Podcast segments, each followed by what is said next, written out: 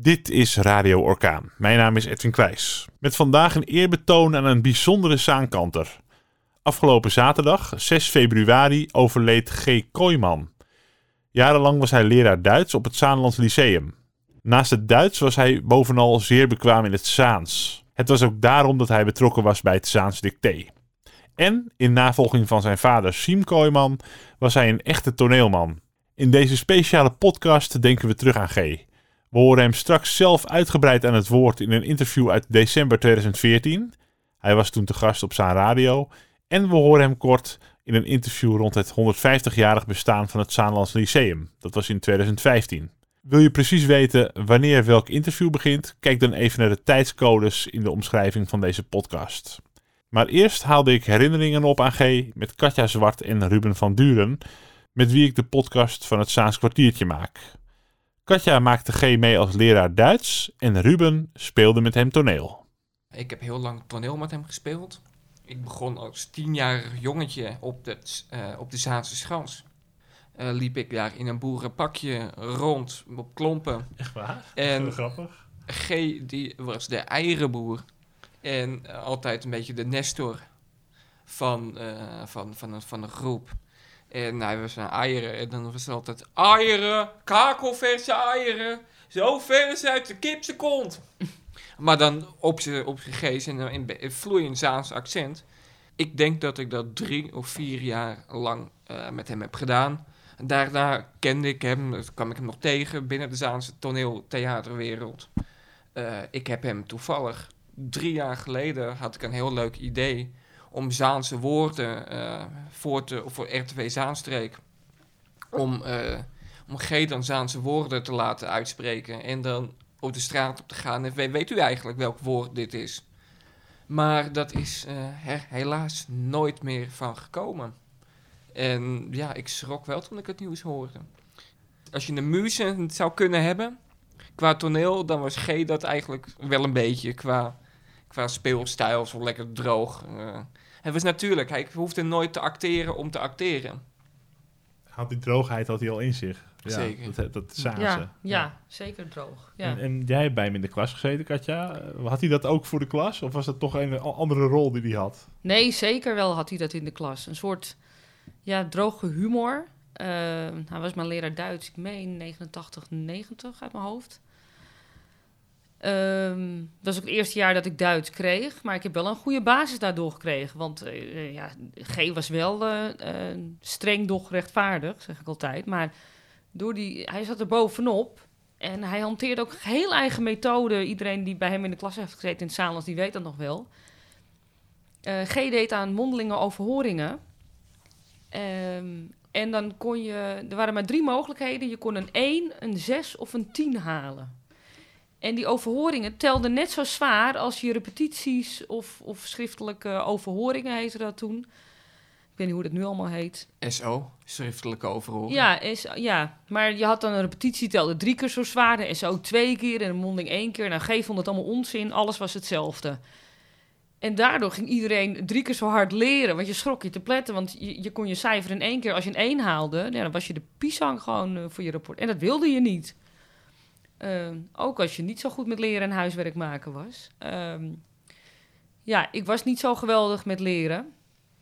Ik uh, was heel slecht met concentratie. En mijn ouders hadden bij Geen de bel getrokken, want hij was mijn mentor in de tweede klas. En uh, toen heeft hij mij bij zich geroepen en gevraagd hoe ik rijtjes leerde. En dat liet ik hem zien. En zei hij, meisje, meisje, wat doe je toch ingewikkeld? En toen liet hij zien hoe je, hoe je dat makkelijker kan doen. En toen ik was echt verbaasd van, oh, het kan zo. En je, hij zegt, ja, het hoeft allemaal niet zo moeilijk. Het kan allemaal veel makkelijker. En die woorden heb ik vaak onthouden, omdat ik de neiging heb om dingen wel eens... Uh, neiging heb om dingen wat moeilijker te maken dan ze zijn. Dus uh, ja, dat ben ik nooit vergeten. En uh, G had ook een bepaalde humor in de klas. Uh, sowieso natuurlijk overwicht. Er was toen mode om mensen bij hun voornaam te noemen. Nou, dat haalde je bij G niet in je hoofd. Zijn naam schreef je op het bord en je zei gewoon meneer Kooijman. En hij, hij had niet eens gezegd van tevoren, je moet me zo noemen. Dat deed je gewoon, omdat hij dat natuurlijke overwicht had. Um, ik weet nog wel een jongetje in de klas, die was aan het wippen op zijn stoel. Hij zat achter mij. En de andere docent, die zou dan gezegd hebben van... eh, ja, hou eens op eh, met dat gewip. Eh, kappen. En G, die, die had dan een geheel eigen manier van ehm, hem laten stoppen met dat wip op zijn stoel. Die zei, hey, jij, doe, doe nou niet. Doe nou, dat wippen, weet je wat voor gevolgen dat kan hebben? Hij zegt, oh jongen, als je valt op je hoofd... Dan heb je een gat in je hoofd en dan krijgen we hier bloed. En dan moet er een ambulance komen. En dan gaan die meiden flauw vallen omdat ze bloed zien. En hij maakte daar een heel verhaal van. En die jongen zag je heel voorzichtig weer zo op zijn vier poten gaan zitten. Van, Want hij bleef maar erover, weet je wel. En dan zei hij op het eind, dus doe nou maar gewoon niet. En die jongen pijnste er niet over om het nog een keer te doen. Want eh, ja, ik kan het niet uitleggen. Het was gewoon een hele ja, leuke eigen manier van waarschuwen. Maar dan anders. En zo had hij ook allemaal posters in de klas hangen. Hij had een poster van Superman in de klas hangen. En eh, hij beweerde dat hij dat was op jongere leeftijd. Als je een les had vlak voor de kerstvakantie of de herfstvakantie, dan deed je meestal wat leuks in de, in de les. En dan eh, vertelde hij allemaal avonturen die hij had meegemaakt in die outfit als Superman zijnde. Ja, en als je hem zo zag, was het best wel een serieuze meneer, zeg maar, in mijn ogen toen. Eh, ja, dat was heel geestig. Ja. En later, ehm, maar dat waren andere omstandigheden later, eh, is G nog even mijn, ehm, eh, bijna zes jaar mijn schoonvader geweest. En dat was een hele andere hoedanigheid. In het begin was het voor mij heel raar, want het was mijn leraar Duits, voor wie ik best wel veel ontzag had. En toen was het een andere rol, maar eh, ja. Wa- was hij anders als, eh, Nee. als schoonvader? Of nee, als het was gewoon G was gewoon zichzelf. G was G. Ja, en, ehm, en ik heb hem later, eh, toen we bij zijn radio zaten, heb ik hem ook nog wel even geïnterviewd over het Zaans Lyceum. Want het bestond toen 100, 150 jaar, meen ik. Jubileum Ja, het 2016 begon, bestond het Ja, 150 jaar. en dat was ook wel leuk om hem toen eh, eh, terug horen te blikken. Nee, G, G was G gewoon altijd. Hij bleef zichzelf. Ik denk dat ook dat dat zijn kracht was eh, als leraar in de klas. Gewoon jezelf zijn. En Ruben, eh, op dat toneel, eh, hij was, was natuurlijk eh, van heel naturel in, in hoe hij speelde. Het kwam er gewoon echt van, van binnenuit hem. ja, ja, ja. Dat staalde hij helemaal uit. Nam hij dan anderen mee in het enthousiasme? Oh, absoluut, zeker. Helemaal de jongen. Ik, ik was dan de na jongste. En er waren, denk ik, vier, vijf andere jonge, jongens en meiden van ja, een paar jaar. Ik denk tussen de 10 en de 16. En hij ging altijd voorop. Eh, mijn tante deed bijvoorbeeld eh, ook mee. Die zong Letty Mooi. Die zong dan, eh, die zong dan met G. Je bent niet mooi, je bent geen knappe vrouw. Voortdurend zijn je nagels in de rouw. Weet je, zo echt van die... Omdat ik zoveel van je hou. ja, dat is dat ja, zongen ja. ze dan samen. En dan stonden wij daar een beetje een volksdansje op klompen omheen te doen. En, en, en ja, dat was dan wel altijd eieren. En dan, je wist nooit of hij had altijd één echt ei erin zit. Dat weet ik ook nog. Hij had een bandje dus, speelde de eierenboer. Eh, in zijn blauwe kostuum zie ik nog helemaal voor, maar met zijn met zijn rode... eh, Ja, hoe noem je dat? oh, hoe noem je dat? Zo'n kiel? Een boerenkiel of zo'n Boerenkiel, strop. ja. Ja, Een zo'n kiel, ja, ja, Ja. ja. zo'n zakdoekje inderdaad. eh.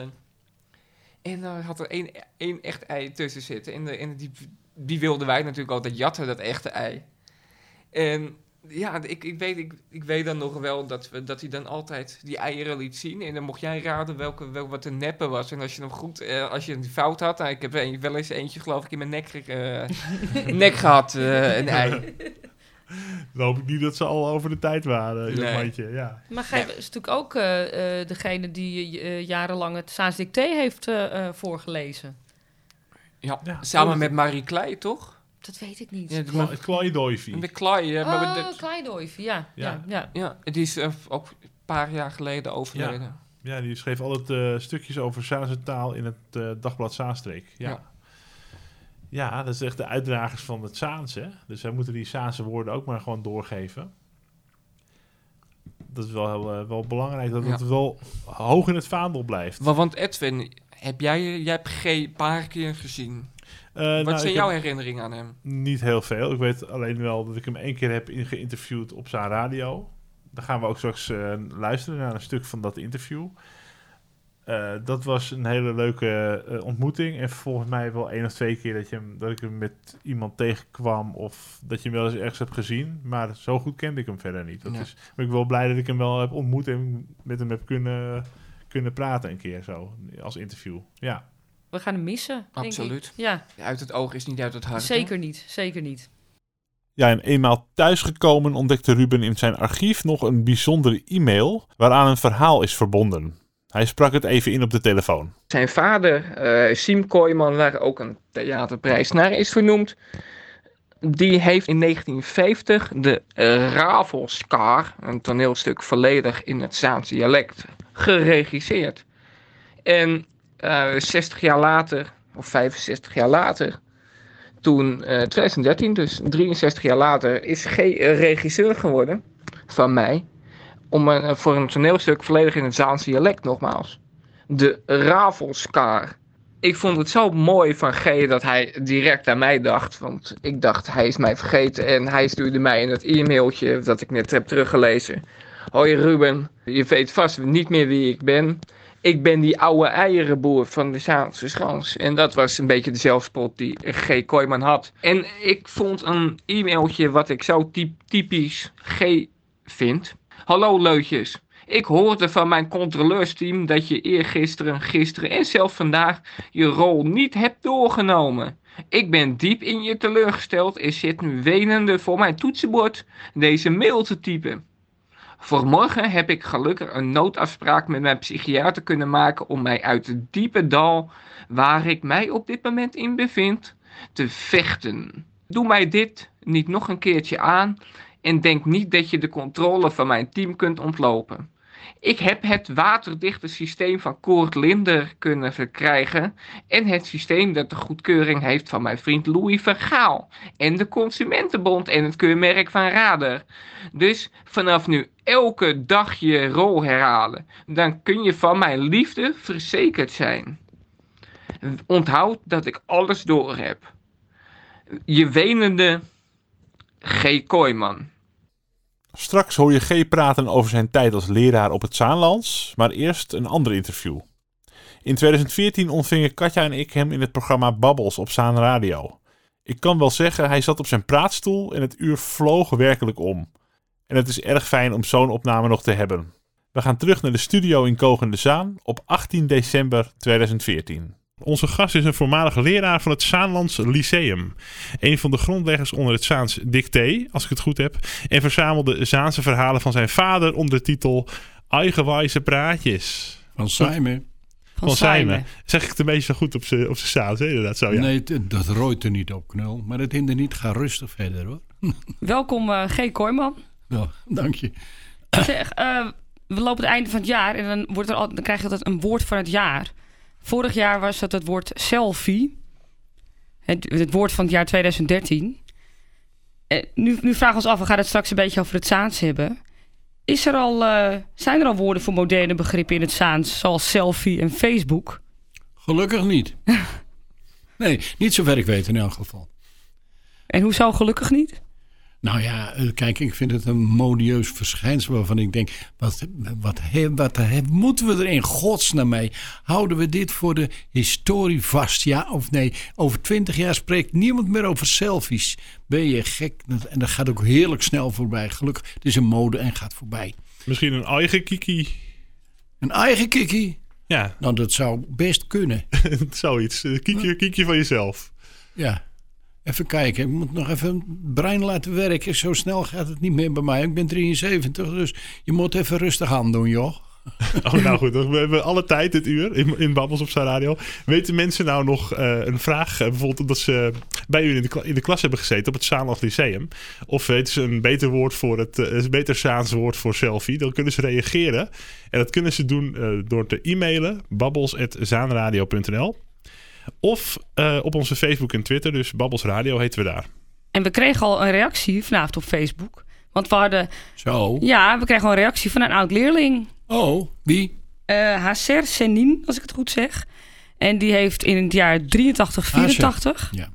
En die schreef: eh, G is mijn favoriete leraar ooit geweest. Oh, je- Wilt u hem de groeten doen? Hij is mij waarschijnlijk, eh, kan hij zich mij niet meer herinneren, maar ik zal hem nooit meer vergeten. Wel hoor, ik, ben, ik, ik herinner mij haar wel. Haasje, zeg ik altijd. Zeg ik, ik heb haar alleen maar bij de voornaam genoemd. Een schat van een kind en deed vreselijk goed het best. Kijk. Kijk, dat compliment gaat ook weer mooi terug. Wat gaf u op het Salens Lyceum? Op het Salens Lyceum heb ik voornamelijk Duits gegeven. Ik heb één jaar bij een, uh, hoe heet we dat, een invallende rectrix... Uh, heb ik een jaar Nederlands gegeven. Dat mocht ik ook, want ik mocht op, als onderwijzer... Ik was namelijk onderwijzer. dat waren mensen die op de lagere school les gaven... en die speciale vakopleiding hadden genoten voor uitleggen. En zo noem je dat. Onderwijzer is een uitlegger. Dat is een vak. Ja. En ik heb later in mijn avonturen, was in die tijd was dat heel normaal. In mijn avonturen heb ik Duits LO, MOA, MOB gedaan. En toen moest ik weg uit de ULO in Zandijk. Want dan betaalden ze mijn diploma niet meer. Sorry. En um, op het Zuidlands Lyceum betaalden ze dat wel. Nou, dat vond ik prettig. En het is een geweldige school. Het, voor zover ik weet is het nog altijd, want ik heb regelmatig contact met mijn collega's. En um, ja, er zat natuurlijk in elke zaak is wel wat gezeur. Dat hoort er ook bij. Bij het is er ook wel wat gezeur. Maar niet veel, want het is een hele beste school. Eigenlijk is het de beste van de Zaan. En wij hebben hier ook echt met een echte zaankanter te maken. Hè? Ja, klopt. Waar bent u uh, geboren en opgegroeid? Ik ben geboren en opgegroeid in Wormerveer. Ik ben een echte gladoor. Een gladoor, ja. Ja, echte gladoor. Ja, en in 1941 ben ik daar geboren. Dat is een hele tijd geleden. En ik ben dus nu 73. En uh, ik ben een leeuw. Dat scheelt ook een heleboel. Want dan ben je onder het sterrenbeeld een leeuw. Dat zijn vreselijke, heerzuchtige types. En opscheppers. Ongelooflijk. Maar in de zaan doe je daar niet mee. Want dan je snot en je neus knul. Dat moeten we niet houden. Hè? Maar moeten we alles met een korreltje zout nemen? Wat we alles, vandaag horen? Of? Alles. Oh, gelukkig. gelukkig. Alles.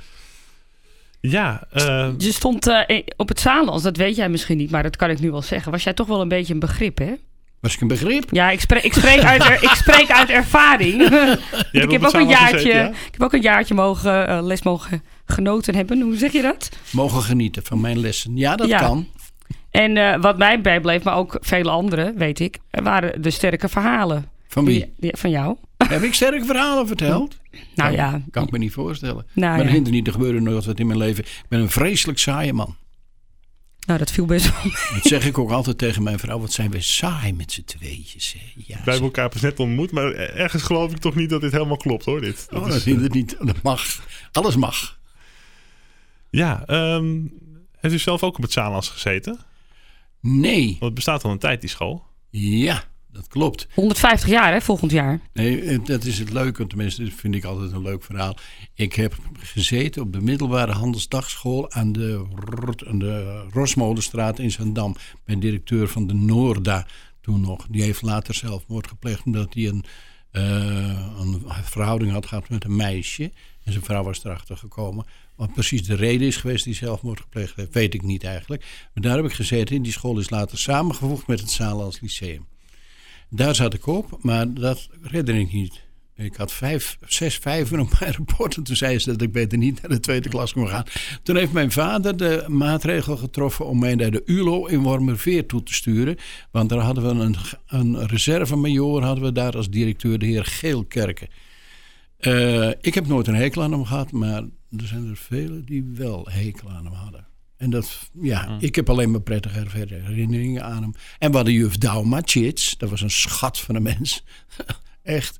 En die hadden we nog meer. Van der Goot, die gaf...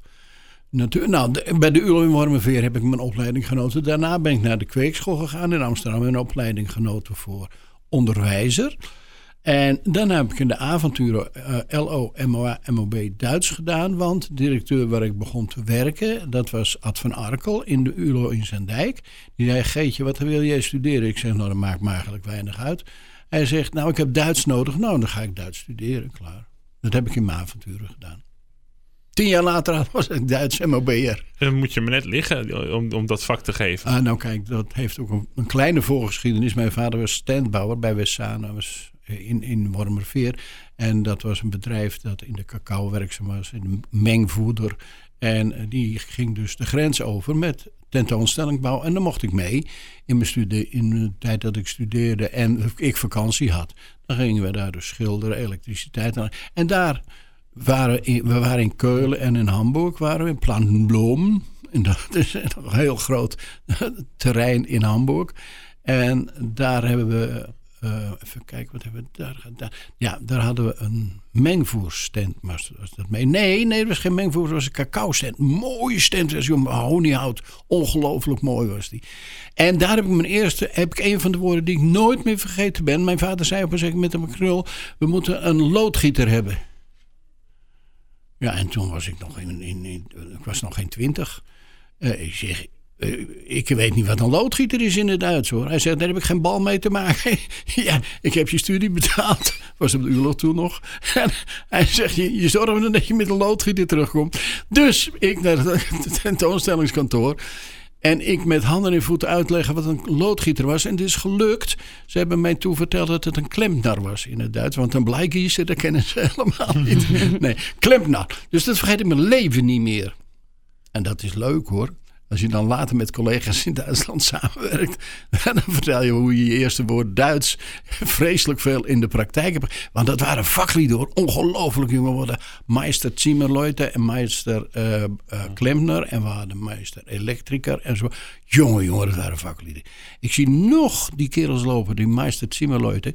Die waren zulke keren waren echt boomstammen van kerels in een zwart atelier. Uh, een zwart overal dat. En die liepen daar over dat tentoonstellingsterrein. Mijn vader die zei, je moet voordat je ooit zijn salaris, moet je salaris van die jongens gaan verdienen. Mm. Dat waren tieten met geld, jongen. In Hamburg toen. Dat was leuk, jongen. Tenminste, ik vond het erg leuk. Kijk, dat is, in, dat is uh, dat, we horen hier nu Duitse verhalen. We begonnen met het Saans, nu krijgen we het Duits. Um, nou ja, maar, je kan ook een Saans hoor. Joh. Dat maar, een loodgieter is, is dit. een loodgieter. Yeah. Dat, is, dat is makkelijk. Maar in ieder geval, als je, ja, nog als je in Duitsland bent, die hebben verstopt, uh, gewoon gootsteen dat... Uh, nee, kijk, achter een tentoonstellingsstand, daar heb je een gootsteen. En daar heb je uh, alle mogelijke dingen. Je hebt een ijskast enzovoort. Achter die stands waar jij tegenaan kijkt op een tentoonstelling. Dat is uh, alles. Uh, kijk, als je de dingen die erachter zijn verbergt, zei mijn vader, is dat het goed. Dat moeten ze niet zien. Dus ze moesten de ijskast niet zien. En ze moesten de kranen niet zien. En het toilet niet zien enzovoort. Nou ja, dat hoort ook zo, hè? Je muziek, zie je? Kijk, ja, je, je, muziek, je, je zit te zwaaien. Kan jij zien dat we CD gaan draaien? Dat is wel Saanse muziek, hè? Kijk even naar Petros, technicus. Ah, ga, je, ga je bridge over Troubled Water, ga je dus? Uh, Cargo, straks, Cargo is een Saanse band hier uit de streek. En uh, ze spelen Left with a Friend. Dit is mooi Engels. Ja, mijn Duits is minder goed, hoor. We praten met uh, G. Kooijman. We hadden het net al over het Saans Lyceum onder andere. Uh, waarom je voor Duits uh, hebt gekozen? Of, of bent gedwongen eigenlijk? Nee, ik ben niet gedwongen wel. Nee, oma die vroeg, uh, kun je dat studeren? Ja hoor, dat kan ik. Als je wiskunde had, is ook wiskunde gedaan. Nee, dat is wel net zo makkelijk. van, het, van, het Duits, van het Duits wil ik even een sprongetje maken naar het Saans. Het Saans? Want jij, jij zit, je zit in de stichting Saans Dicté. Ja. En je bent ook een tijdje de Saanse Philip Freriks geweest, hè? Uh, als je bedoelt dat ik een dicté heet, ja. Klopt. Ja, dat bedoel ik. Dat bedoel ik. Ja. Goed, ja. Nee, dan ben ik inderdaad... Ik heb een paar keer het Saans Dicté gepresenteerd. Onder andere in de, in de Vermaning in Zandam. En de bibliotheek in Zandam. Hebben we het ook een keertje gedaan.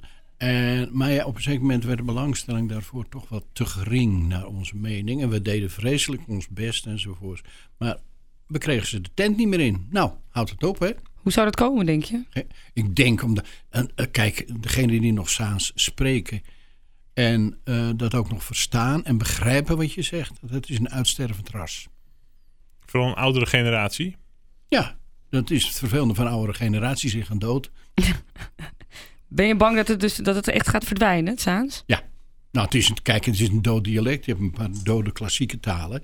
En het Saans is natuurlijk ook een dood dialect klaar. Afkijkend West-Friesland, dat is een, zaak die anders ligt. En daar hebben ze een hele actieve vereniging. Die uh, nou, nou, ook schrijfcursussen doet. En uh, die treden met de regelmaat van de klok. Treden die op in uh, onder andere Egmond en West-Friesland en bij de Omdijk enzovoort. En wat natuurlijk ook logisch is, dat lijkt erg veel op het Saans, want het is een dialect. Net zo, kijk, die overgangen van dialecten, die is natuurlijk altijd glijdend. Net zoals hier in Limburg. Ik studeer natuurlijk samen in mijn avontuur ook met Limburgers. Nou, die, dat krengentuig, jongen, dat was altijd veel beter en veel sneller dan ik. Om de dood eenvoudig reden. Dat ze woonden in dat grensgebied. En ik heb met jongens uit Venlo en het Stijn enzovoort, heb ik daar gestudeerd. En een paar nonnetjes was heel gezellig, jongen. En dat deden wij in de vakantie, heel schandelijk, weet ik. Op het Zaanland systeem werkte ik dus, het hele jaar door. En in de vakantie gingen we dan Duits studeren in Duitsland. Ik heb, zat drie, de eerste drie weken van de grote zomervakantie zat ik in Duitsland.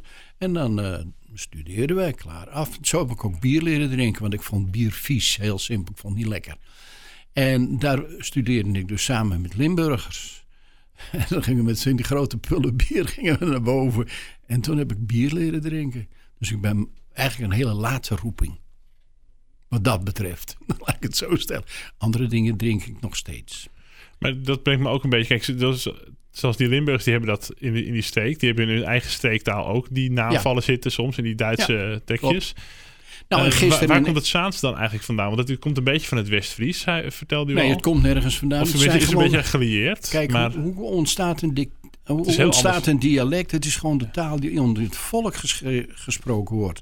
Die begrijpen elkaar. Het is een communicatiemiddel. Het was Mhm. En als je bijvoorbeeld het uh, Zaans in uh, zeg maar Zaanstreek Zuid en Zaanstreek Noord neemt, van Krommeniedijk naar West Zuid, nou daar zit flink verschil in hoor, maak je me niet ongerust. Maar het is een glijdende schaal. Toch, toch is Zaans heel anders dan Amsterdams weer.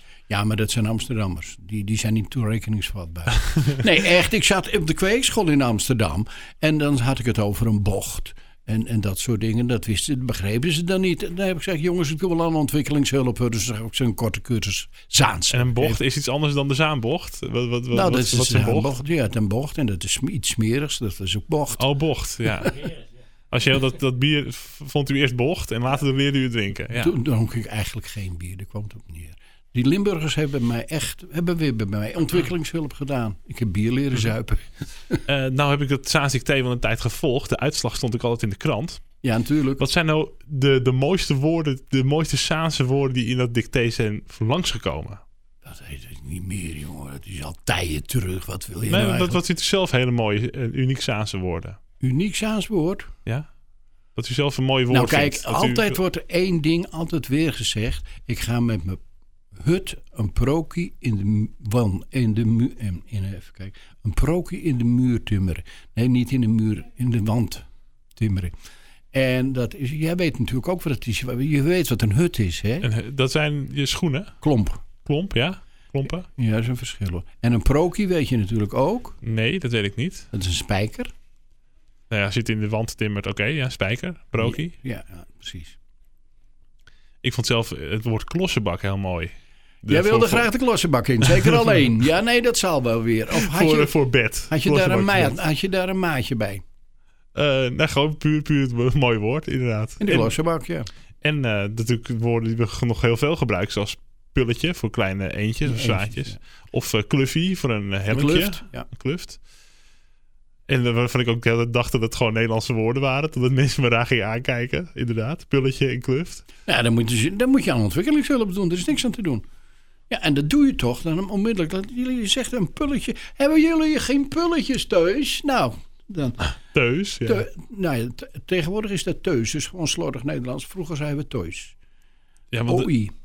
Want, maar in ieder geval geen ui. De zaakkanten spreekt de ui niet uit. Uit. Nou, uit. Nou, precies, daar reed je net al. Kijk, dat, maar dat is tegenwoordig. Dat is een vorm van slordig Nederlands. Kijk, het dialect heeft een oi en een eu. Mm -hmm. Ja, dat is dus helemaal niet wat er tegenwoordig door uh, jongens die van huis uit algemeen beschaafd Nederlands spreken. Die, uh, want kijk, waarom spreek je algemeen beschaafd Nederlands? Zo'n economische noodzaak. Zo omdat simpel is dat. Het gewoon Nederlands spreken omdat we met de mensen uit andere gebieden ook communiceren. Precies. Ja. Het is een communicatie. Is het ook omdat uh, vroeger bleef iedereen in zijn streek. De Zaankanters bleef een beetje de Zaanstreek, de Limburgs een beetje Limburg. En nu is alles eigenlijk veel opener. Iedereen reist overal heen dat die dialecten dan verdwijnen. Ik heb daar niets aan toe te voegen. Kijk eens aan. Is het een idee om Saans op eh, school te introduceren? Nee, in godsnaam zeg. nee, je hebt A, ge- geen mensen die het meer goed spreken. En de enige wie het nog goed spreekt en die het ook regelmatig praktiseert, dat is Marie Klei uit West-Saanus. Klei Doifi in de Saanse Dagblad. Hè? Ja. Dan heeft elke dag heeft ze dan een klein stukje eh, in het Zaans. En Marie is wat dat betreft veel en veel beter dan ik. Is een keer ook hier in de studio geweest. En dat, dat is echt een vrouw die taal levendig houdt. In de vindt het heerlijk, joh. En die inderdaad elke dag een woord ons meeneemt naar een paar woorden in de, in de krant. In een hele, de hele wereld van het Saans. Eh, maar over 10, 20 jaar is dat Saans dan helemaal verdwenen. Tuurlijk. Misschien alleen nog in ons accent dat wat je wat klanken hoort. Maar verder. Ja, maar er is, het is een dood dialect, dus het verdwijnt. Ja, net als wij. Alles gaat voorbij, wij ook. Dat vind ik heel vervelend, maar ik ga toch voorbij. Dat vind ik toch allemaal geen eh, hele Optimistisch. goede berichten. Maar ik denk dat we toch een heel positief uur hiervan maken. eh, nou hier goed, dan eh, gaan we niet somber doen. Dan gaan we het ook niet over de regering hebben. Hè? Nee, want die is het opvallen. Maar goed, daar houden we het ook. eh. we gaan geen actualiteiten uit Den Haag in het Saanse blokje doen. Dus eh, Nou, er is bijna zat er een meisje van onze school zat in, het, eh, in de Tweede Kamer. en dat was. Nou, die hier in Zandam. En de Emine Partij- Boskoert, toch? Of niet? Oh nee, die zit, in, die Nee, zit bij de. EU in Brussel. Zit die. Ik zit nou razendsnel naar die naam te zoeken, maar dat is het nadeel van ouder worden. We hebben wel in de tweede Haasjer. Nee, niet Haasjer. Nee, dat was Die, die de... hadden we net als reactie op Facebook. Ja. Eh, nee, rrr, ja. En ze is mooi geworden. Dat mocht ik nooit zeggen voor de klas. Als een meisje mooi was, dat mocht niet. Nu je. zeg je het gewoon op En zijn dat- radio. En dat deed ik niet. En dat deed ik ook niet. We hebben wel in de Tweede Kamer hebben we Barbara Visser. Barbara Die, die uit Visser. de Zaanse Raad oorspronkelijk komt. Ja, Die zit bij de VVD. Nou ja, daar Heeft hij ook op mee. gezeten? Maar die, ik weet niet of ze op de Zaanlas heeft gezeten. Dat, Daarom. dat weet ik niet. Kijk, Jan Run, die komt wel bij ons vandaan. Die zit in de provinciale staten. provin- eh, dat is Jan van Run. Maar dat is ook een VVD-patser. Nou, dat is duidelijke taal. Die Kijk, de zijn nooit zo recht. zaankanters zijn rood per definitie. Oh. Wij hadden natuurlijk een vrij kleine groep eh, elite, de directeuren van de bedrijven enzovoort. Maar je had een hele grote massa fabrieksarbeiders. Molens, in de molens had je arbeiders. Ik zal je een verhaal vertellen. Die begonnen vroeger in de molen om vijf uur s morgens. Heb je dat nog wel eens, vijf uur s morgens? En je stopte pas om 22 uur s'avonds, 17 uur per dag, meneer. En als er geen wind was, dan kreeg je geen centen. En je werd altijd onderbetaald. Dat waren nog eens tijden. Haha, praat. Dat was nog eens leuk, hè? Nostalgie is zo heerlijk, jongen. Als zolang maar bij verhalen blijft. En, eh, want die tijd willen we ook niet terug natuurlijk. Dat, dat we Nee, onderbetaald worden. godsnaam, dat, dat vertel ik altijd in het jongenschap aan, aan eh, mensen die het, eh, dan een- uit nostalgische gevoelens molens gaan bezoeken enzovoort. Dus dan vertel je een verhaal dat het zo heerlijk was vroeger op de molen. Ja, en dan kom je met dat verhaal. En dan schrikken ze even hoor, 17 uur per dag. En onderbetaald. Of niet betaald. Ja, daar ben je even stil van, hè? G. Jouw, Ja. jouw vader was Siem Kooijman. Ja, Simon Korman, ja, klopt. Die heeft van wanneer tot wanneer geleefd? Oeh, jeetje, 1913 tot 89. Wat was dat voor man? Dat was een, eh, een hele aardige man.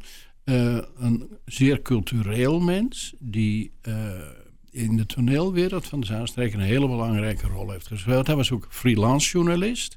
Dat vond hij ook heerlijk. Daarom heeft hij die Simons geschreven. Gaan we het straks over hebben. ja. Ja, En, maar hij was... eh, en hij werkte... Ik weet het wel. Hij was... eh, zijn... Hij zat, hij zat net als ik op de middelbare handelsdagschool. Aan de, en toen werd zijn vader heel erg ziek. En ze hadden toen een kruidenierszaak. Toen moest die kruidenier worden. Dus die kruideniersknecht geworden. Anton de Vries hebben jullie misschien ooit hier een keertje gehad. Daar heeft hij ook bij geholpen. En, dat vond hij helemaal niet leuk, kruidenier. Maar hij deed het wel, want ja, er moest geld op de plank komen. En hij trouwde met een meisje met een soort... en trouwens, hij had een bijnaam van Bertus Visser. Dat was een melkboer in Wormerveer, Bertus Visser. En daar heeft hij ook geholpen. En die noemde mijn vader altijd stopnaald. Hij was nogal dun en mager, om het zachtjes uit te drukken. En zijn voorkeur voor vrouwen ging ook altijd naar stopnaalden. En zo is hij ook getrouwd met Marie Schoenmaker uit Wormer. Ja, die heeft hij achter de beschuittoren vandaan gehaald. Nou, dat was een kunstje hoor. Want je werd meestal als buitenlander, en Wormenveerders waren natuurlijk buitenlanders, voor Wormenezen, dat is nou helemaal zo. En dan werd je om de beschuittoren heen gejaagd en achter de beschuittoren was een sloot. Dus ik kwam in de sloot terecht. Kijk, dat waren nog eens tijden meneer. Kom daar nou eens om. Ik sta helemaal perplex te kijken van wat, die- wat dit allemaal voor verhalen zijn. Je, was al buitenlander als je het Wormerveer kwam. Ja, Nou, natuurlijk. Vergeet je, vergeet je niet, Zaandammers. In, dan ga ik even wat, toch, je, je zit hier in Koog aan de Zaan. En je, we- ik heb net een, weer een eenakter geregisseerd. Dat is een van mijn laatste trouwens. Eh, en daar zaten jongens uit Zaandijk bij. En er zaten jongens uit de Koog bij als spelers. Die waren de Kogers waren lid van KFC. En de Zaandijkers waren van ZVV Zaandijk lid. Die gunnen elkaar het licht in de ogen bij toneelspelen wel maar in het dagelijks leven niet. Kogers deugde niet en zijn dijkers deugde helemaal niet. En ik ben, dat was heel vreselijk, joh, maar vreselijk leuk en gezellig. Joh. Die, die twee meter die ertussen ligt, die maakt echt een wereld van verschil. En kijk, heel vroeger werden Zaandammers ook Delftenaren eh, genoemd. In Wormerveer bijvoorbeeld, we waren glad horen. En hoe heette die Zaan, oh, Zaandammers, heette die koekhappers of iets dergelijks. En er werden ook wel acht Delftenaren, dat waren de buitenlanders. Heeft dat iets te maken met het Delftse rijtje wat je in Zandam had? Met een, eh, de, zeg maar de mensen die hier kwamen werken vanuit Delft. Er zijn Ja. heel, veel, heel veel mensen uit Delft naar Zandam gekomen. Oh, dat om te werken niet. in de fabrieken en bij de artillerie-inrichting, onder Ah, andere. ja. En dan had je het Delftse rijtje, een hele wijk met allemaal mensen uit Delft in Zandam. Dus misschien dat het Misschien daar dat iets... daar vandaan komt. Ik weet niet. Zou Marie wel weten. Maar die, eh, het Kleidoivie. Kleidoivie. Kleideuvie. Siem, Siem eh, die, die was actief in toneel, zoals je al Ja. vertelde. Ja. Jij hebt zelf ja- jarenlang ook eh, ben je actief geweest. Ik heb eh, een jaar of In het 10, toneel? 12 heb ik gespeeld bij Morgana in Cromenie. Een club van Leo van Herk, die nog altijd actief is in de eh, toneelspeelwereld. Dat is een hele belangrijke man. Eh, ik bewonder hem zeer, want die man is zo idealistisch. Die blijft me doorgaan. En op een zeker moment ben ik eh, gestopt met toneelspelen om de dood eenvoudige reden dat er op tegen me, een souffleuse tegen me zei: Oh, je had zo'n mooi stilspel. Ja, als kind, ik wist, je, wist mijn rol niet meer. Je had me even moeten helpen. Maar je, je kwam niet. En toen ben ik gaan regisseren. Het eerste waar ik ben gaan regisseren, dat is in Krommeniedijk geweest. Toen was ik eh, een korte tijd wereldberoemd in Krommeniedijk. Daar heb ik een jaar of tien gezeten. En toen ben ik naar Oost-Knollendam gegaan. Waarom weet ik niet. Ik geloof dat in Oost-Knollendam zou Bart Zaal wel me benaderd hebben of ik daar wilde komen regisseren. En daar heb ik ook een jaar of 10, 15 geregisseerd. Ik heb eh, volksstukken geregisseerd en ik heb eh, drama's geregisseerd. Dagboek van Anne Frank heb ik onder andere gedaan. En iets wat je waarschijnlijk niet weet, een dag uit de dood van verdomde Louietje. Ja, waarschijnlijk niet bekend. Die voorstelling heb ik niet bijgewoond. Wat- Nee. Wat, wat, wat was dat voor voorstelling? Dat, een voor, dat is een pracht van een toneelstuk. Echt van uh, even Nikkels. En ehm, Els van Rode heeft het heel vroeger gespeeld bij toneelgroep Arnhem. En dat gaat over een gezin waar ze een kind hebben dat is autistisch. En heel zwaar autistisch. Die kan dus niet praten. En dat komt er ongeveer uit, meer niet. En ehm, nou, die man die heeft nogal wat moeite met het eh, dochtertje. Met het te verdragen dat hij een dochtertje heeft. En die moeder, ja, die hangt natuurlijk vreselijk aan die dochter. Dat is nog wel logisch. Daar is een moeder voor. Hè, weet je wel. En die vergeet. Nou, daar gaat het over, dat conflict. Maar ja, S- eh, Siem die, die is onder andere initiator geweest van de Arlecchino. nou ja, daar is Een, een bekende Saanse toneelprijs. Ja, die is naar hem, hij heeft hem ingesteld, zeg maar. Daar komt het op neer. En de eerste die heeft hij ook uitgereikt, onder andere aan Jan van der Vecht. Ik weet niet of jij die Jan van der Vecht nog had. Nee. Die heeft toen eh, van, van hoe heet het nou? God, ja, dat is naam, hè, 73, gaat verdammen. Dan vergeet je daar wat toe. Eh, en ehm, die speelde toen met de leerlingen van het Zaanlands Lyceum onder, de melk, onder het Melkwoud. En ehm, die heeft hij toen de prijs uitgereikt. En later aan Han Molenaar, dat was een tonalist in Cromenie, Ben Morgana. En daarna heeft eh, mijn broer, mijn oudere broer, die was zes jaar ouder dan ik, heeft de prijs overgedragen aan, eh, de, zeg maar aan Leo van Herk. Daar komt het in wezen op neer. Dus daarom wordt hij nog elk jaar uitgereikt. En nou, wie het laatst geweest? Ik meen Nel Noom dat de laatste was. Ik weet niet of Nel echt... 2013 eh Anneke Brinkman. Anneke Brinkman uit Assendelft, ja. Ja. En eh, de volgende Arlecchino wordt uitgereikt op 15 februari 2015. Vind ik prima. Even belangrijk om te vermelden, vond Staat in ik. de agenda. Ja. Ja. Eh, we hadden het over je vader Siem Kooijman. dat, ja, die zat niet stil, kunnen we wel stellen. Klopt. Journalist, kruidenier, toneel, noem maar op. Siem heeft een tijd eh, eh, een column gehad, hè? Ja, In welke krant was dat? dat was in de Zaanlander. Ja. was vlak na de Tweede Wereldoorlog. De Zaanlander was natuurlijk fout geweest in de Tweede Wereldoorlog. En in 46 hadden ze ook een verschijningsverbod. En mijn vader is denk ik zo in 748 begonnen met eh, een column in het Za- Tegenwoordig noem je dat een column. in het Zaans.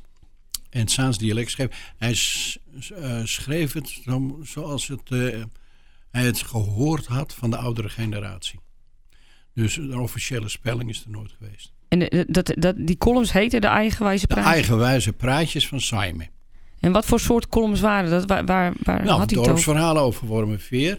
Ehm, dan heb je van het begin van de vorige eeuw, dus van 1910 af ongeveer, tot 19, nou zeg maar 50. En dan kwamen verhalen van eh, echte dorpsfiguren. Eh, nou, eh, jullie vroegen een eentje van een sterk verhaal. Dokter Korteweg, die kennen jullie natuurlijk wel. Hoewel jullie natuurlijk erg jong zijn, maar die komt wel eens in het Zaans eh, Medisch Centrum. En dan kom je een, op een zeker moment door een steegje heen of door een weg. En die heet Ja. de dokter Kortwegwerk. En die heeft een hele belangrijke rol gespeeld in de geneeskunde in de Zaanstreek. In Wormerveer eerst. En later bij, eh hoe heet het nou, het kankercentrum in, in Amsterdam. Daar is hij een van... Antonie, Antonie van Leeuwenhoek. Daar is hij een van de oprichters van geworden. En dat is dokter Korteweg. En die heeft een straat in het Zaans Medisch Centrum. Ik ben benieuwd of hij in de nieuwbouw nog een keer terugkeert. Want dat is echt... Nou, Van Raaltencentrum was ook een dokter in Zandam. En ja, die, dat waren belangrijke figuren, doktoren in, de, in, in die tijd hoor. En Korteweg vind ik een van de mooiste eigenlijk.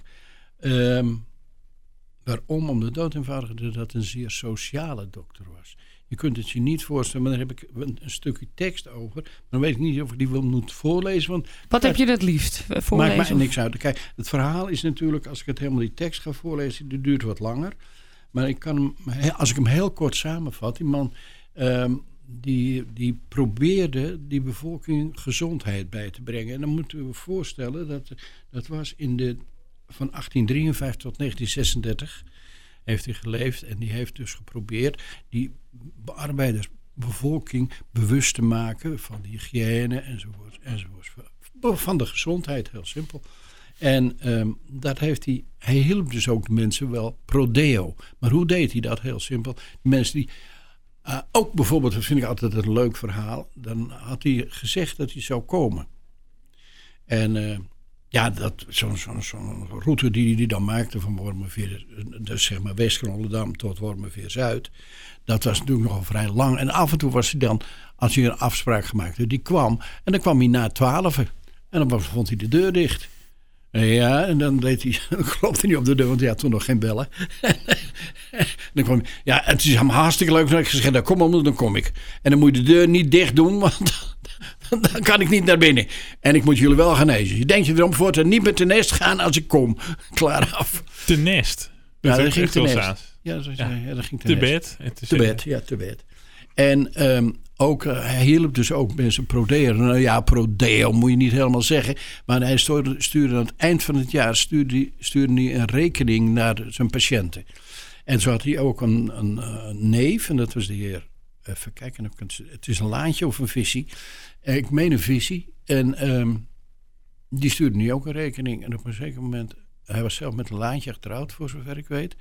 En ehm, die zei op een zeker moment: Ja, zeg, neef of zwager, eh, ik krijg elk jaar een rekening van je.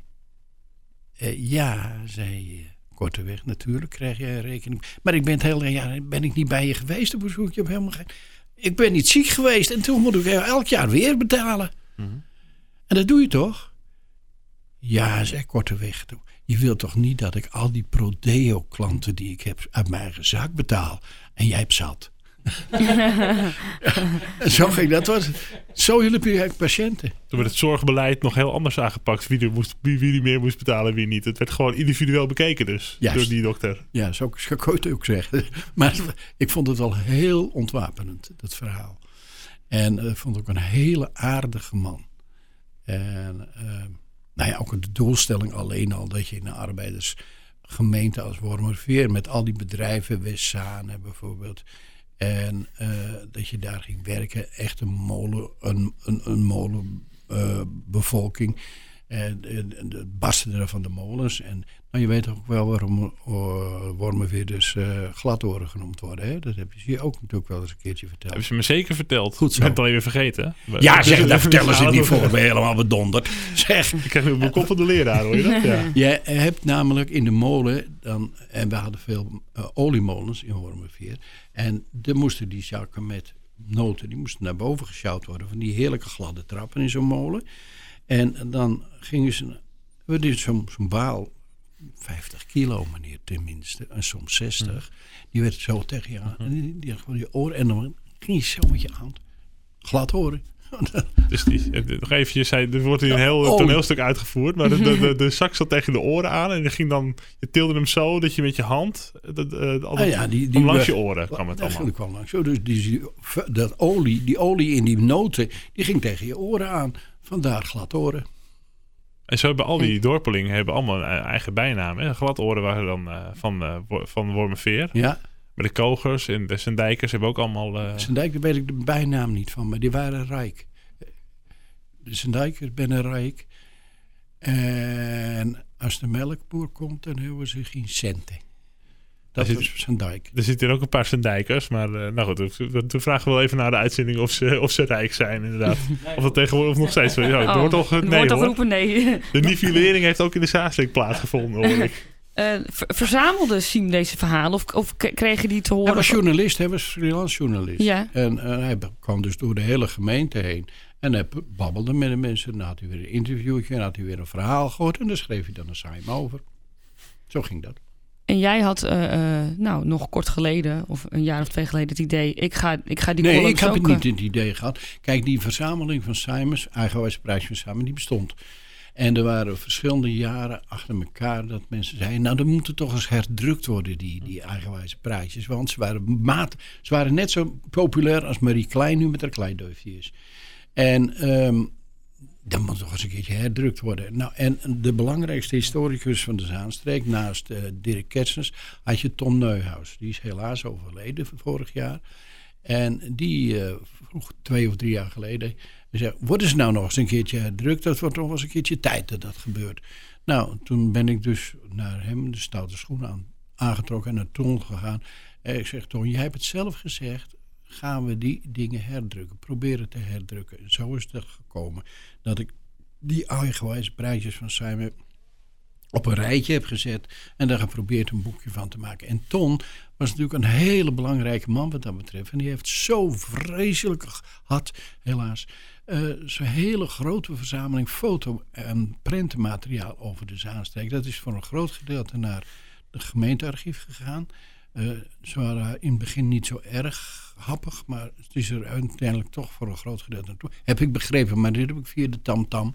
Dus dat is niet zo betrouwbaar, dat verhaal. En, ehm, nou, en Ton die zei, nou ja, en ik weet, Ton, ehm, eh, ik zeg, hoeveel kosten me die foto's allemaal? Ik zeg, Ton, dat doen we pro deo voor Simon. Vond ik schattig. Maar goed, er is dus, eh, de columns zijn nu bij elkaar gezet. Of de, de, de, de Een deel hoor, het is niet alles, want er zijn er, ik weet niet hoeveel, jongen. Maar eh, wat, wat is er nu nog nodig om dit in, boek, in boekvorm in het Zaans boekhuis te krijgen? Of, of bij de Nou ja, op, de, op het nachtkastje te op een krijgen? zeker moment heb ik het hele zootje bij elkaar. En samen met Ton en eh Marianne de Wit uit Wormen. Dat is een eh, kunstenares uit Wormen. Heel mooi werk maakt trouwens. En ehm, hebben we dat boek gemaakt. Er zit dus veel illustratiemateriaal in. En er zitten dus die verhalen van eigenwijze praatjes van Simon zitten erin. En ehm, op een zeker moment waren we klaar. Daar hebben we ongeveer een jaar of twee aan gewerkt. En het was klaar. Maar ja, dan moet je nog uitgegeven krijgen ook. En het publiek voor dat boek was natuurlijk niet zo erg groot. Hè? Dat, het, het zijn verhalen uit Wormerveer. Dus je hebt een beperkte hoeveelheid eh, volk die dat boekje gaat kopen. En ehm, ja, dan gaan er ook, die hebben een vervelende eigenschap. En Die verhalen die speelden van 1910 zeg maar, tot, eh, tot 1950. En er is een groot gedeelte van overleden intussen. En ja, dat zijn degenen die het belangstelling voor hebben. Maar laten we even oplossingsgericht denken. Uh, Eh, toen gingen we u- dus geld bij elkaar scharrelen bij, bij sponsors. Nou, daar kwam ik niet uit. Ik had er op een zeker moment 3200 piek in zitten. En toen dreigde dat ik nog een keertje 2000 tekort kwam. Toen heb ik gezegd, nou is het afgelopen. Kijk, mijn vrouw is, die is een schat van de mens, daar gaat het niet om. Maar dan zou het 5200 piek gaan zijn gekost. Dus ik kreeg het geld gewoon niet bij elkaar. En om het te, te doen in samenwerking met een historische vereniging of het op eh, internet nou, te zetten de bijvoorbeeld. historische vereniging Wormenveur is niet geïnteresseerd. Oh, dat, dat lijkt me heel... eh, Vreemd. Ja, dat is- vind ik heel vreemd. Ja, ik heb ze hier wel eens te gast gehad. Ze zijn altijd heel actief met nieuwe, nieuwe projecten en nieuwe dingen. Dat niet. Maar, maar is er niet de mogelijkheid om een website te maken waar al die teksten op komen te staan dan? Ja, dan moet je- is dan een moet je- stuk Of we doen opnieuw nu hierbij een verzoek aan de historische vereniging Wormerveer. Eh, Gewoon op de radio. nou ja, dat mogen jullie doen. Nou, bij deze. Benader eh Saan Radio maar. Of, of, een andere, of iemand anders die denkt, nou, dat moet op het nachtkastje komen van de zaankanters. Dat Babbels.saanradio.nl is het e-mailadres. daar hoort, Ja. het, hoort het eigenlijk ook. Maar, eh, maar vooral wormenveders. Ja. Kijk, het is, gaat allemaal over de, de, de periode uit de eerste helft van de vorige eeuw. Dus ja, dat is de historie van wormenveer. Klaar af en die is heel leuk. Ja, dan gewoon, anders zetten we ze gewoon op internet, die verhalen. Dan maken we ze gewoon digitaal. Dan zijn ze voor de eeuwigheid. Ja, ze zijn wel digitaal, maar die hou ik even geheim. Dat is ook nog om, om in overweging te nemen. Hoeven we niet, eh, hoeven we Anders niet dan vliegt het. eh, de- Degene, met Marianne de Wit is dat. Die heeft me gewaarschuwd. Je moet het niet gewoon openbaren. Dat moet je niet doen. Je mag het wel doen. En dan had ze weer een heel technisch verhaal. Want zij is vreselijk goed met computers. Een goede ontwerpster. En vreselijk goed met de computers. En ze zegt, je moet er wel zuinig op zijn. Want het bestaat helemaal digitaal het boek. We hebben het digitaal opgemaakt. Klaar af. Toen, toen, je, toen, alles, nou, toen je het grote deel verzameld had, was er één verhaal wat er voor jou, of een anekdote die er met kop en schouders bovenuit stak? Waarvan je denkt, jeetje, dat wist En ik nu niet. graag wat ja grappig. zeggen. Nou, eigenlijk is het het verhaal van dokter Korteweg, maar dat heb ik net kort samengevat. Ik heb wel een andere, deze vond ik. Ik denk, moest die hem eigenlijk maar doen, want dat is echt iets. Maar die heb ik vrij kort geleden. Eerst eventjes, je moet er de dingetjes uitgooien, die, waar, omdat niemand meer weet. Dat gaat over Snars Kay. En die kennen jullie, dat is Bernardus Kay. En die was, even kijken, was een hele belangrijke man in Wormerveer-Zuid. Daar kwam het op neer. Snars Kay, ik pak we de tekst even kou. Ik heb barre zocht uitgeschreven samen met mijn vader toen. Naar een kiek van hem, maar ik heb hem niet op de kop kunnen tikken. Wel hebben we het eh, hutje waar hij een tijd in gezeten heeft. Om de sluis open te draaien. Kijk, hij zat bij de Zuidersluis. En jullie weten natuurlijk niet wat de Zuidersluis is. Dat, dat is op de hoek bij Café Sman. Dat weet je waarschijnlijk wel. ja, Ja, cafés dat dacht ik wel. ja, dat- Daar, eh, nou, dat was de Zuidersluis. En eh Snaske, die was daar, eh, oh, zeg maar, een soort sluiswachter. Daar komt het op neer. Maar, even kijken. Die moet ik even het stukje weer op. Maar en het was een hockey, daar zat hij dan in. Maar later is er komen wonen Nico Skenk. En Nico Skenk kennen jullie niet, maar het was een schoenpik. En die, eh, die repareerde de schoenen, heel simpel. Ja. Maar het was een eigenaardige kerel. Een kerel met een goed hart, maar een beetje inken. Als je snapt wat ik bedoel. Hij woonde op de Transvaalstraat met zijn moeder en zijn zuster. En ze konden er de klok op gelijk zetten, zevens, als hij het hockey op slot deed. Zijn schoenenzak op zijn skoeren sloeg. Dat weet je nu wat zijn skoeren zijn, dat weet jij natuurlijk. Nee, Schoenen, nee, op zijn skoeren sloeg. skoeren. Hij slo- een zak met schoenen sloeg, scho- scho- sloeg hij op zijn skoeren. Nou, wat zijn zijn skoeren dan? Val ik stil. Ik zou het niet dit weten. Het verdwijnt het zagen. Schouders. Schouders. Oh, zo over zijn schouders. schouders. Ja. Ja, ja god, je moet ook alles uitleggen. Ongelooflijk, jongens. De scores sloeg. En dan ging hij, de Noord, ging hij naar de Noord. Tussen de middag ging hij nooit naar huis. Dan ronkelde hij. eh Zwintersdag tenminste en zomers had hij een eh inpits petroliestelletje staan. Het kacheltje een beetje op en dan warmde hij zijn prakkie op. Ook één keer meemaakt toen hij een rutteltje op had staan, wat er een beetje vreemdig uitzag. Dat ik vroeg, wat is dit voor spul, Niek? Me vreten, antwoordde Niek. "Eh, wat zei je? Nou, ik moet even een bladzijde omslaan hoor. Eh, het lijkt wel kousenwater, zei mijn vader. Eh, hey, jij, zei hij, bescheid.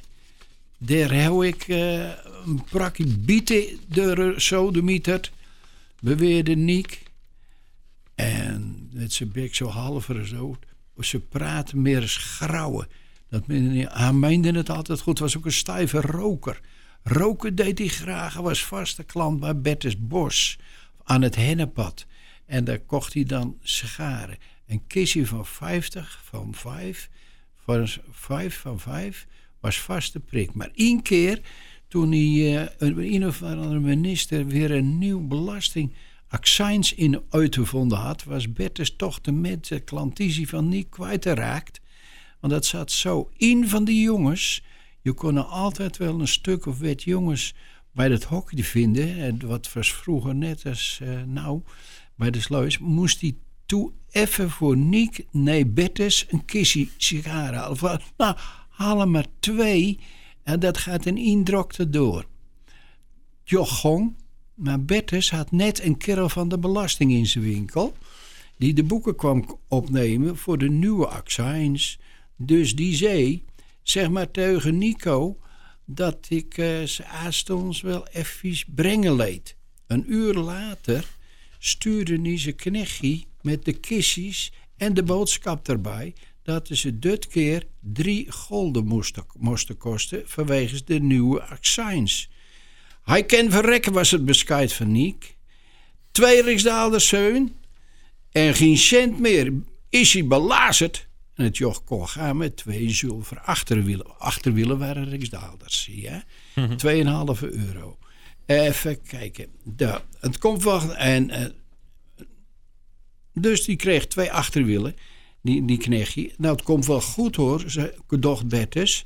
En liet met dezelfde gang twee paar schoenen nee, niet brengen om te laten verzolen en hakken. Toen ze klaar waren, bracht niks zelf. Een daalde per paar, Bertus, drie gulden. Mooi, Niek. Ik krijg nog een gulden van je. Dus dat wordt in tweeën. Goed hoor, zoontje, zei Niek. En hij stak de twee gulden in zijn zak. Je moest me meteen maar even skeren en knippen. Je bent er nou toch even. Ken het even. Nou, jullie snappen wel het gewoon. Niek verrekte. Wil je bedanken, want wij moeten dit programma gaan afronden. Ja, zeg. Maar ik heb een, goeie, ik heb een hele goede brug uitgevonden. Mensen die het einde willen weten, die moeten eens eventjes contact met ons opnemen. Want dan kunnen ze nog eventjes uh, misschien een oplossing vinden. Dat ze kunnen doneren dat het boek wordt uitgegeven of dat het uh, op internet kan gaan verschijnen. Wel ja, je weet het nooit. Wel ja. Hartelijk dank voor de komst, G. Kooijman. Graag gedaan. Ja, dat was een uh, bijzondere avond, kan ik wel zeggen. En hij bleef ook buiten de uitzending om nog even lekker napraten. We sluiten deze herinnering aan G. Kooijman af met een opname uit 2015. Het Zaanlands Lyceum bestond toen 150 jaar en vierde feest. Oud-leerling Katja ging als reporter bij een aantal mensen langs om te praten over hun tijd op de school. Zo ook bij G, die van 1973 tot 2001 Duits gaf en wel honderden leerlingen de revue heeft zien passeren. Hoe kijk je terug op die tijd op het Zaanland? Oh, dus, uh, een lusthof. Echt joh. Dat heb ik wel eens tegen collega's ook gezegd. Er was één collega die werd er een beetje boos om. Zeg, denk erom, je leeft in een lusthof hier. In, um, het zijn allemaal schattige kinderen. Ze doen geen vlieg kwaad. Ze zijn altijd beleefd en aardig. De collega's zijn beleefd en aardig. En, ik kan, en, en de uh, dienstverlenend personeel is ook hartstikke schattig. Wie je ook neemt, of het nou Jan Doornkamp was of dat het nou eh, Jan van der Weijden was, dat doet helemaal niet zijn zaak. Het waren allemaal schattige mensen. En we hebben maar één uh, zwarte bladzijde gehad. En die heeft vrij lang geduurd. Maar die zouden de naam niet van noemen. Dat vind ik niet aardig. Ze heeft één goed ding gedaan en ze heeft Jan Koster binnengehaald. En Jan Koster was een schat van man, die heeft de school echt een prachtig uiterlijk gegeven. Jan had natuurlijk uh, goede smaak, maar het heel simpel zo zeggen. Jan Koster was? Jan Koster. Wat was de functie van Jan Koster? Co co rector. Ah. Ja, hij is als aardrijkskundeleraar binnengekomen. En ik weet niet eens of hij wel aardrijkskunde gegeven heeft eigenlijk bij ons. Ik kom wel eens van niet. Maar hij is rector geworden, dus opvolger van Roos Hermans. Heb je nog eh, andere specifieke herinneringen aan, aan mensen of gebeurtenissen? Uh, er, op een gegeven moment was er één collega klassieke talen. En die zat te kanker op de kindertjes. Omdat ze zo stom waren. en toen zei ik, nou, daar heb ik dus tegen haar gezegd, denk erom, je leeft in een paradijs hier. Ja, het zijn allemaal schattige kinderen. Maar van die mevrouw wil je de naam ook niet noemen? Ik kijk wel uit.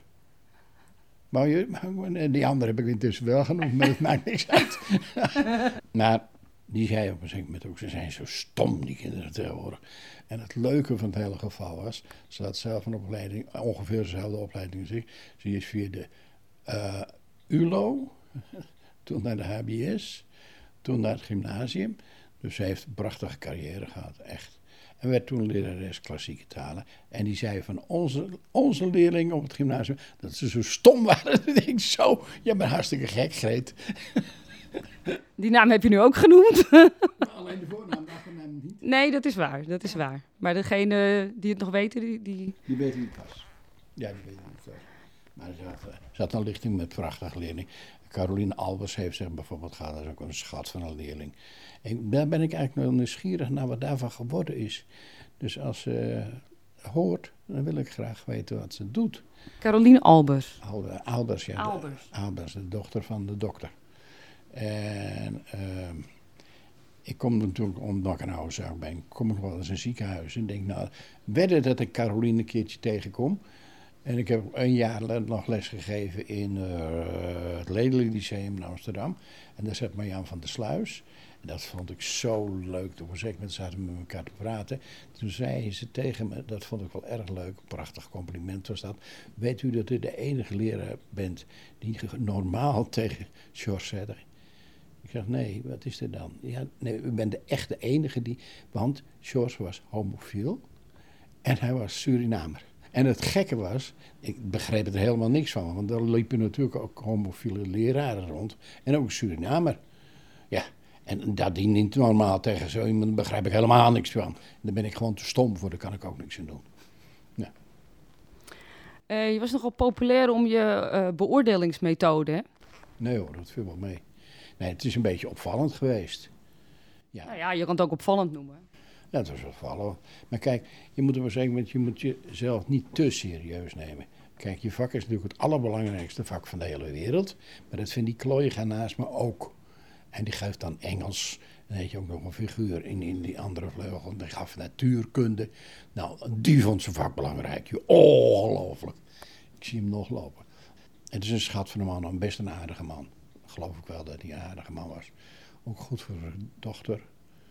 Ja. Wat, uh, wat was er zo kenmerkend aan het Salens Lyceum? Wat is, wat is er typisch Salens Lyceum?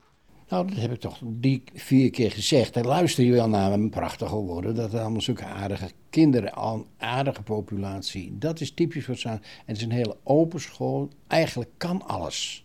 Alles kon. En dat was heel erg prettig voor de leerlingen, denk ik. En voor de collega's. Wat, wat kon er wel op het Salens wat niet op andere scholen kon? Nou, ik, ja, dan moet ik weer gaan roddelen over... Uh, nog één keer dan, nog één keer. Nee, ik vind het nou zat. je moet je grenzen, grenzen bewaren. Dat is wel helemaal zo. Kijk, wij waren natuurlijk een, een, school in de Zaanstreek. En de Zaanstreek was een rode zaan. Dat wil zeggen, communisten en socialisten. Dat waren we. En we hadden natuurlijk ook andere scholen die, eh, die op een zeker moment gesticht werden hier in de Zaanstreek.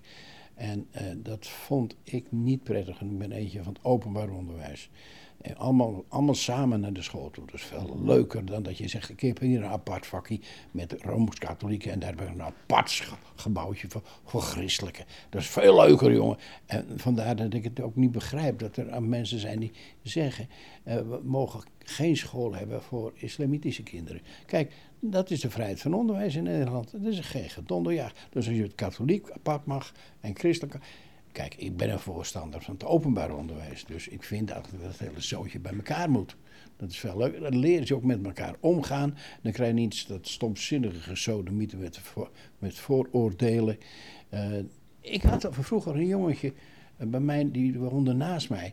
En op een gegeven moment zaten we op een hek hier uh, met elkaar te praten. Is de laatste keer dat ik met hem gepraat heb trouwens.